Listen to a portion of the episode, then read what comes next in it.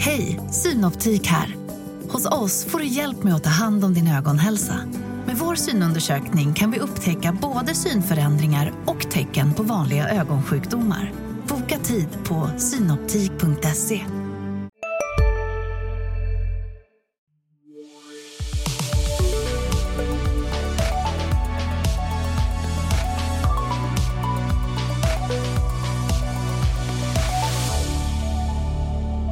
Hejsan allihopa och välkommen till veckans avsnitt av Dagens Industris analyspodd. Det är den fredagen den 16 juni och klockan är strax efter halv 11. Börsen upp en halv procent som vet ni vad vi vet när vi spelar in det här. Eh, jag heter Ulf Pettersson som sagt och med mig har jag Torbjörn Isaksson. Hejsan Torbjörn! Hej hej! Hej, Ulf Kristersson här. På många sätt är det en mörk tid vi lever i. Men nu tar vi ett stort steg för att göra Sverige till en tryggare och säkrare plats. Sverige är nu medlem i Nato.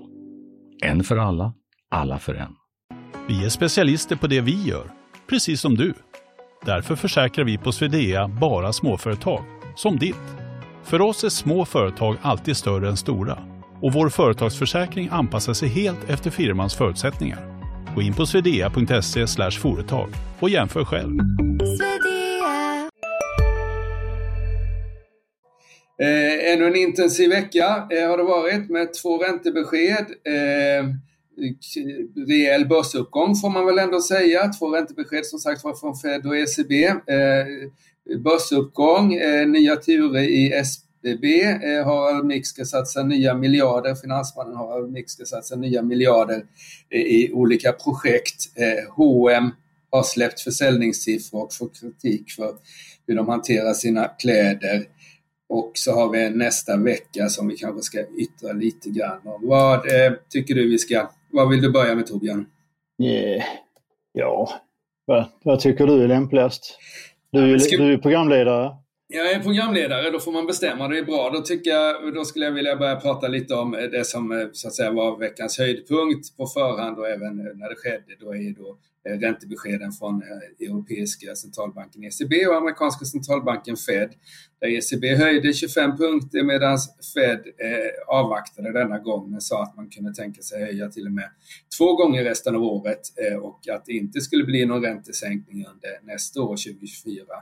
Och ECB höjde 25 punkter och där pratade Christine Lagarde som är chef för, för banken att det också kommer fler räntehöjningar. Men marknaden Eh, är ju, är ju intressant på så sätt att den gör inte vad eh, de här centralbankscheferna säger utan vad centralbankscheferna gör. Och det är klart att om inte Fed höjde räntan denna gången, varför ska de, när de dessutom höjde inflationsförväntningarna och, och, och, och allting, varför ska man då höja nästa gång? Så man, man, eh, man räknar med att eh, att eh, centralbankerna inte kommer stoppa det här i närtid och vi får väl se om de har rätt för det är riktigt åsigt tycker jag där ute nu. Vi har liksom 13 uppgångsdagar i rad på Tesla-aktien, eh, all time high på, och ganska höga P tal på våra stora verkstadsbolag och det är liksom det här Fear and Greed Index som CNN håller på att rapportera om varje dag är på liksom eh, närmast rekordnivå. Så det är, det är lite märkligt att, att, att, att hur det kan vara så håsigt på en börs och sen så är verkligheten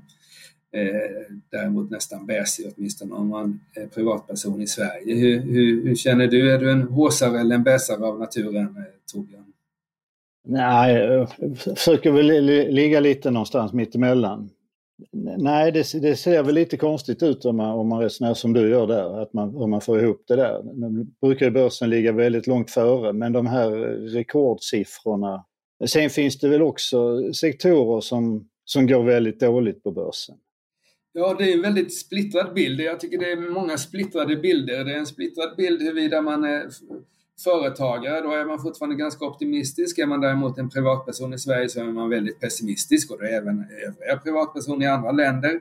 Och är man på börsen så har vi eh, bolag som är, där det liksom ser väldigt mörkt ut och så har vi väldigt eh, bolag som är väldigt optimistiska. Och det finns ju några drivkrafter här där AI har ju blivit ett sånt här riktigt liksom inne buzzword. Så fort, så fort man skriver någonting om AI så går börsen upp eh, eller bolaget upp, bolagets aktiekurs upp. Hexagon är väl det senaste exemplet på det där. Och sen så har vi då de som möter en annan verklighet. Och du har ju sista månaderna ägnat mycket av din tid åt just eh, SBB och bostadssektorn och, byggsektorn i allmänhet. Där. Det, är, väl den sektor som har det tuffast då, eller hur? Hur ser du på det där och vad är det som har hänt i veckan som är värt att prata om? Ja, det är ju dels, dels så har vi ju SBB här som, som ett lite speciellt fall för sig själv. Eh, och sen har vi ju hela bostadsbyggande eh, framförallt då. Va? Eh, där JM nu åter ligger i topp bland blankade aktier. Och det var ett krismöte här med, med regeringen för en massa branschrepresentanter i, i veckan att, med bostadsministern att eh, det, det, måste till en massa åtgärder för att eh, överhuvudtaget ska komma igång nya bost nytt bostadsbyggande. För det byggs ju varken hyresrätter eller, eller modellen för för bostadsrätter är ju ganska död. Är det något som du eh, tycker är rimligt? Jag menar det är ju, jag är lite sådär, det är mycket sånt där som händer nu tycker jag. Jag vet inte om man kan dra några paralleller till dessa, till dessa eh, stora, stora stålprojekt som sker i Norrland och, och, och batterifabrik och allting. Att det, liksom, det är staten som ska in och liksom finansiera det här och rädda det här. Det är inte så att liksom Eh, byggherrar har tjänat dåligt med pengar senaste åren. Liksom. Är det några som verkligen har, har skärit, skurit eh, guld med täljkniv så är det väl just delar av, av byggsektorn i alla fall. Det har varit väldigt bra fart på, på olika elektriker och snickare och sånt där.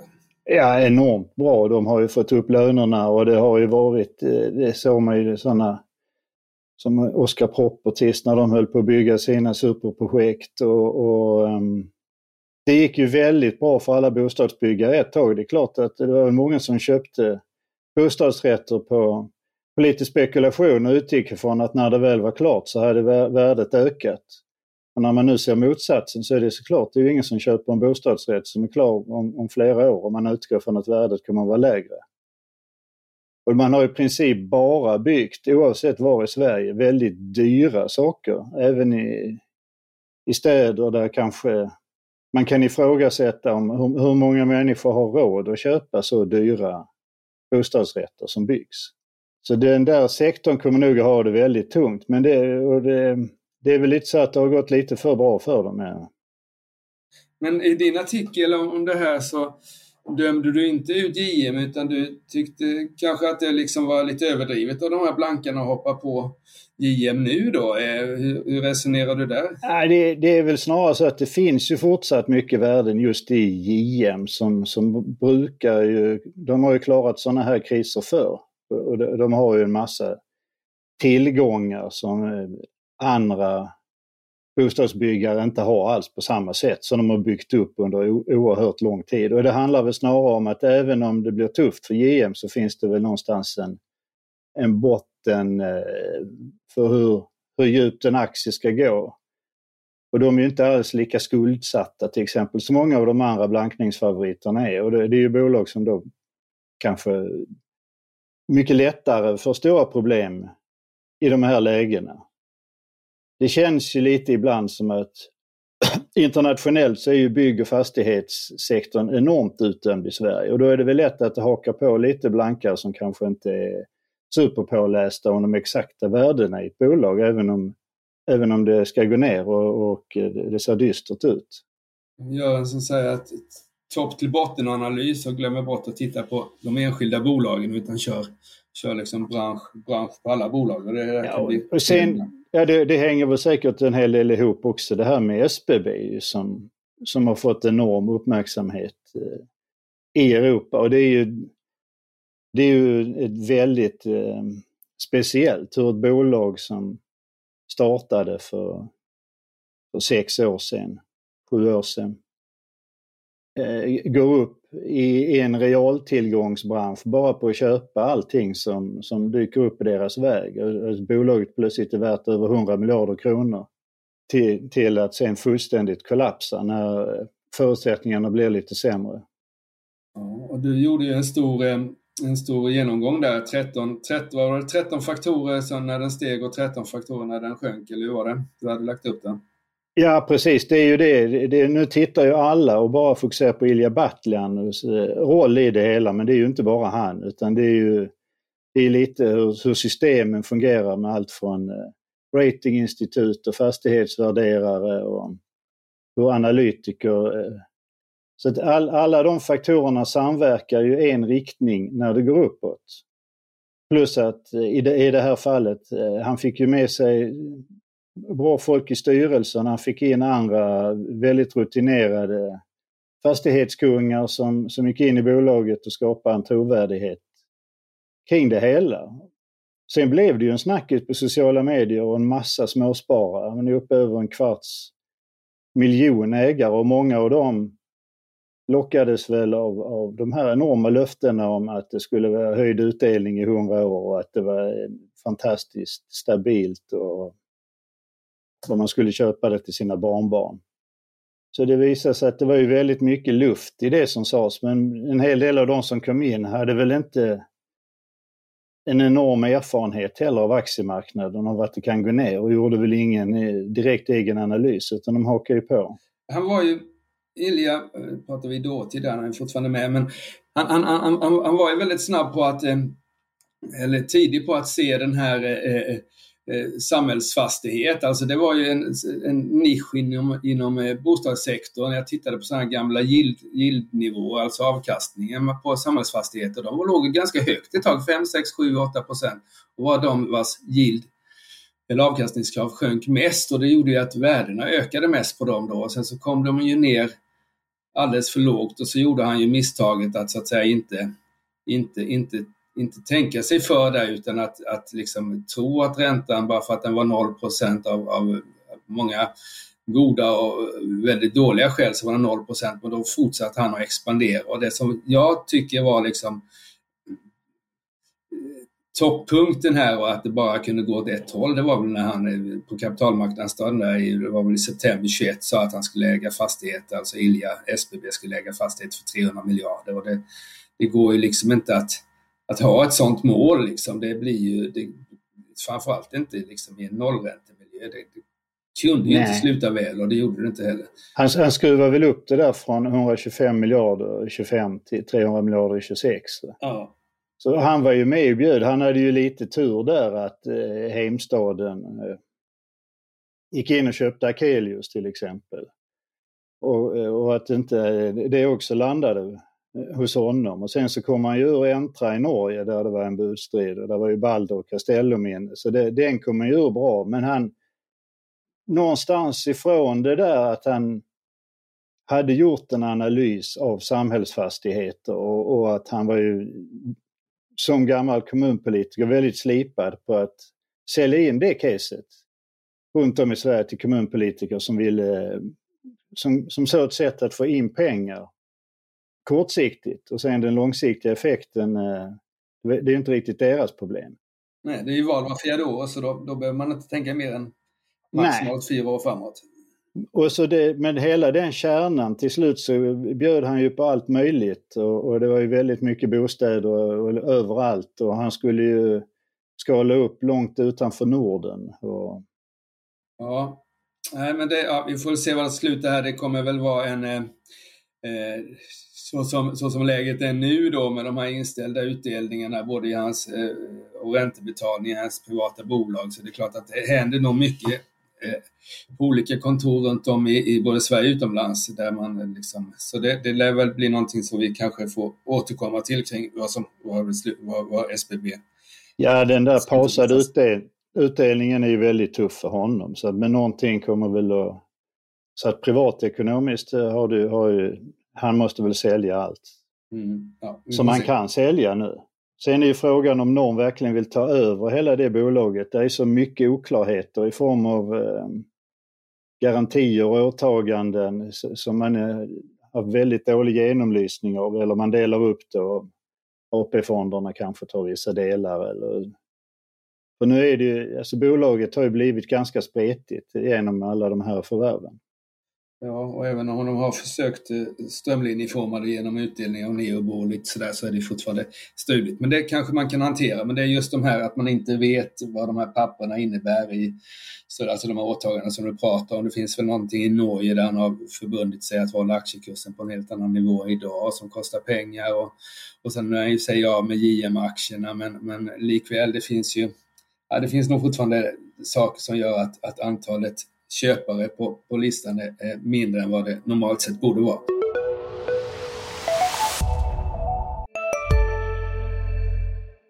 Hej, Susanne Axel här. När du gör som jag och listar dig på en av Krys vårdcentraler får du en fast läkarkontakt som kan din sjukdomshistoria. Du får träffa erfarna specialister, tillgång till lättakuten och så kan du chatta med vårdpersonalen. Så gör ditt viktigaste val idag, lista dig hos Kry. Hej Sverige! Apoteket finns här för dig och alla du tycker om. Nu hittar du extra bra pris på massor av produkter hos oss. Allt för att du ska må bra. Välkommen till oss på Apoteket.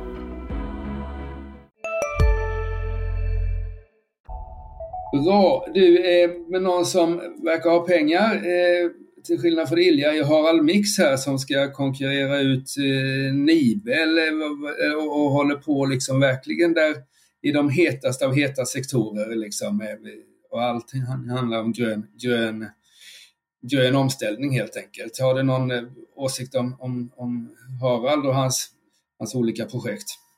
Ja, han, han har ju också verkligen gasen i, i botten där med, i, i det som är olika former av framtidsbranscher som han vill ha identifierat. Eh, och det, det, är ju intressant. Det är ju, det är ju väldigt många alltså enormt stora satsningar där han är en av initiativtagarna nu. Sen kan man väl också fråga sig vad det, vad det innebär för allt och var han har sitt fokus. Det kom ju här i veckan, det är ganska mycket problem igen i den här norska sportkedjan XXL. Så för Alters del vet jag inte om det är så jättebra att eh, ett, ett dygn har ett visst antal eh, timmar även för halmix. Ja, och sen så gick han ju faktiskt in i Kinneviks styrelse för det är väl ett, två år sedan nu kanske och sådär och där trodde jag nog att det skulle liksom börja att, att det skulle liksom, att han skulle ägna mer tid åt det där och kanske köpa rejält med aktier där och, och hitta på någonting, kanske ha det som ett nav för det är liksom lite oklart hur, hur, hur familjen Stenbeck egentligen ser på sitt, sitt Kinnevik. Eh, men han äger aktier där för 4 miljoner och i Harald Mix värld så är ju 4 miljoner kronor inte särskilt mycket pengar. Så eh, ja, det känns som, ja, jag håller med dig. Hade man varit eh, en sån här pensionsförvaltare som ska liksom sätta in pengar i, i Altos nya fond så hade man ju funderat på vad, vad Almix lägger sin tid på. Eh, och det är väl någonting han borde förklara egentligen. Så det. Mer då, och vi får väl anledning att återkomma om det där också. Det, är, det är liksom var ju väldigt högtfriande planer med hans nya värmepumpssatsning här, jo, ja. inte minst. Det skulle ju vara många tusen anställda ganska snabbt tyckte jag det såg ut som. Ja, det blir spännande. Mer då, vi har eh, H&M har varit i fokus, eh, både, både eh, så att säga på ett, på ett bra sätt i form av att aktiekursen gick upp på deras eh, försäljningssiffror i, i maj och sen så har vi haft eh, artiklar om, om eh, också som har med hållbarhet att göra, nämligen hur man hanterar sina gamla kläder, att de verkar eldas upp i Afrika och sådär. Är det någonting du, du tänker kring?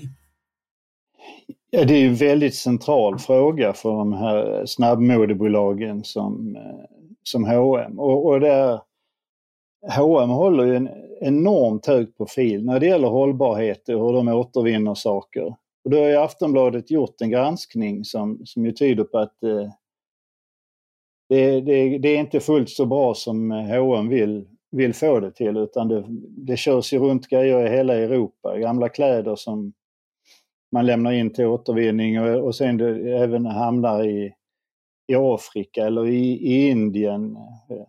Alltså enorma mängder kläder där nere som bara dumpas sedan i naturen. För det är ju ingen som kan använda mycket av det som, som hamnar där och det finns ju ingen återvinnings... Alltså det finns ju ingen modell för hur de ska sköta det.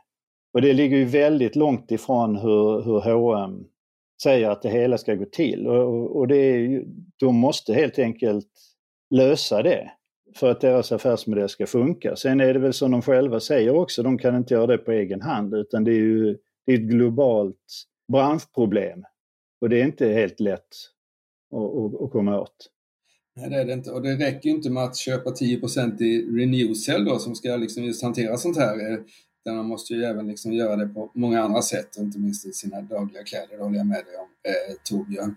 Eh, det vi brukar ha eh, eh, som en stående punkt här i vårt, vår, vår podd nu för tiden, två stycken aktiecase. Och då är, eh, eh, du, har, du har inte skrivit några aktiecase på ett tag här, så jag får ta två då. Då tar jag bland annat två kollegas eh, eh Johan Wendels köprekommendation av eh, Bostadstjänsts sajtsföretaget eh, Hemnet då, som, som han gillar och han eh, är medveten, han skriver att man gråter, när man köper ett bolag som, som Hemnet så gråter man en gång för att, man, för att det är väldigt dyrt att köpa men sen blir det liksom bra alla andra dagar.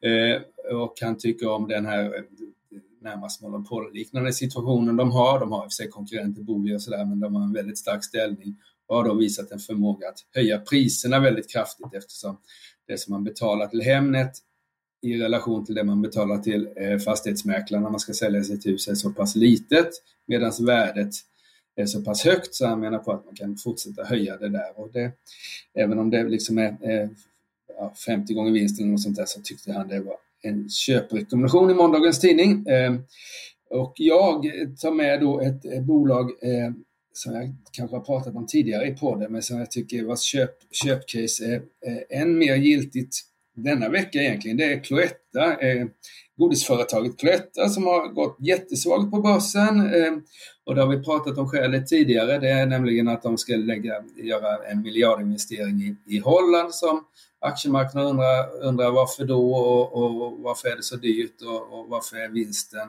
så låg på den där eh, affären. Så det, det, har pressat aktien riktigt mycket och det är ett P, P8, 9-bolag nu.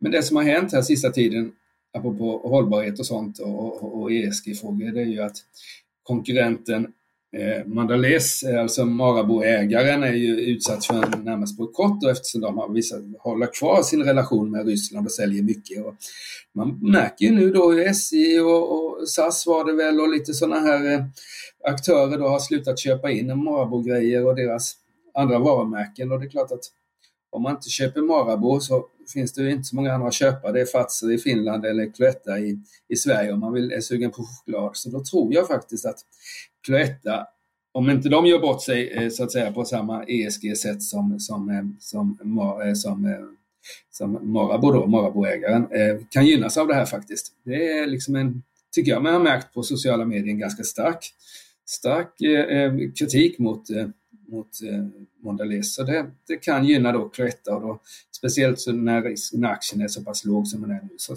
tror jag det kan bli en spännande sommaraktie om man får kalla, eh, kalla det så. Käkar du, käkar du mycket choklad eller? Nej, nej, det vet jag inte. Vi hade ju Massett i Malmö innan. Men, mm.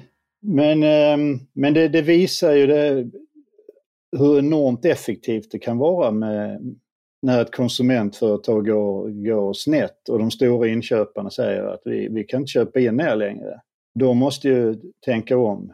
Mm. Sen är frågan hur länge den effekten sitter i. Mm. Men det är ju starkt alltså. Det är ju inte så att eh, det är klart att eh, man har ju sina favoritartiklar här i världen. Eh, det ska mycket till innan man byter varumärke på olika saker men det är klart att det är ändå inte unika produkter som, som Marabou gör utan det går lika bra att äta de andra företagens choklad. Så ja, det kommer att ha effekt. Det ska bli väldigt spännande att se här om det går att få ut någon slags svensk, svensk försäljning från Marabou och, och se hur mycket det har påverkat. Och då, om vi utgår från att chokladkonsumtionen är, är, är, är lika stor nu som den var igår så bör det då gilla Cloetta och de andra konkurrenterna.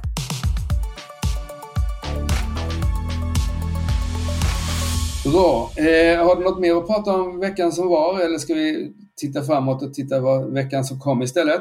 Ja, vi kanske ska titta lite framåt. Det är inte jättemycket. Det var en ganska diger agenda eh, den här veckan eh, då med räntebeskeden. Eh, det kommer räntebesked även nästa vecka. Det är Bank of England och sen så är det norska, eh, Norges centralbank som kommer med räntebesked. Eh, Riksbanken eh, kommer inte förrän om eh, två veckor, den 29.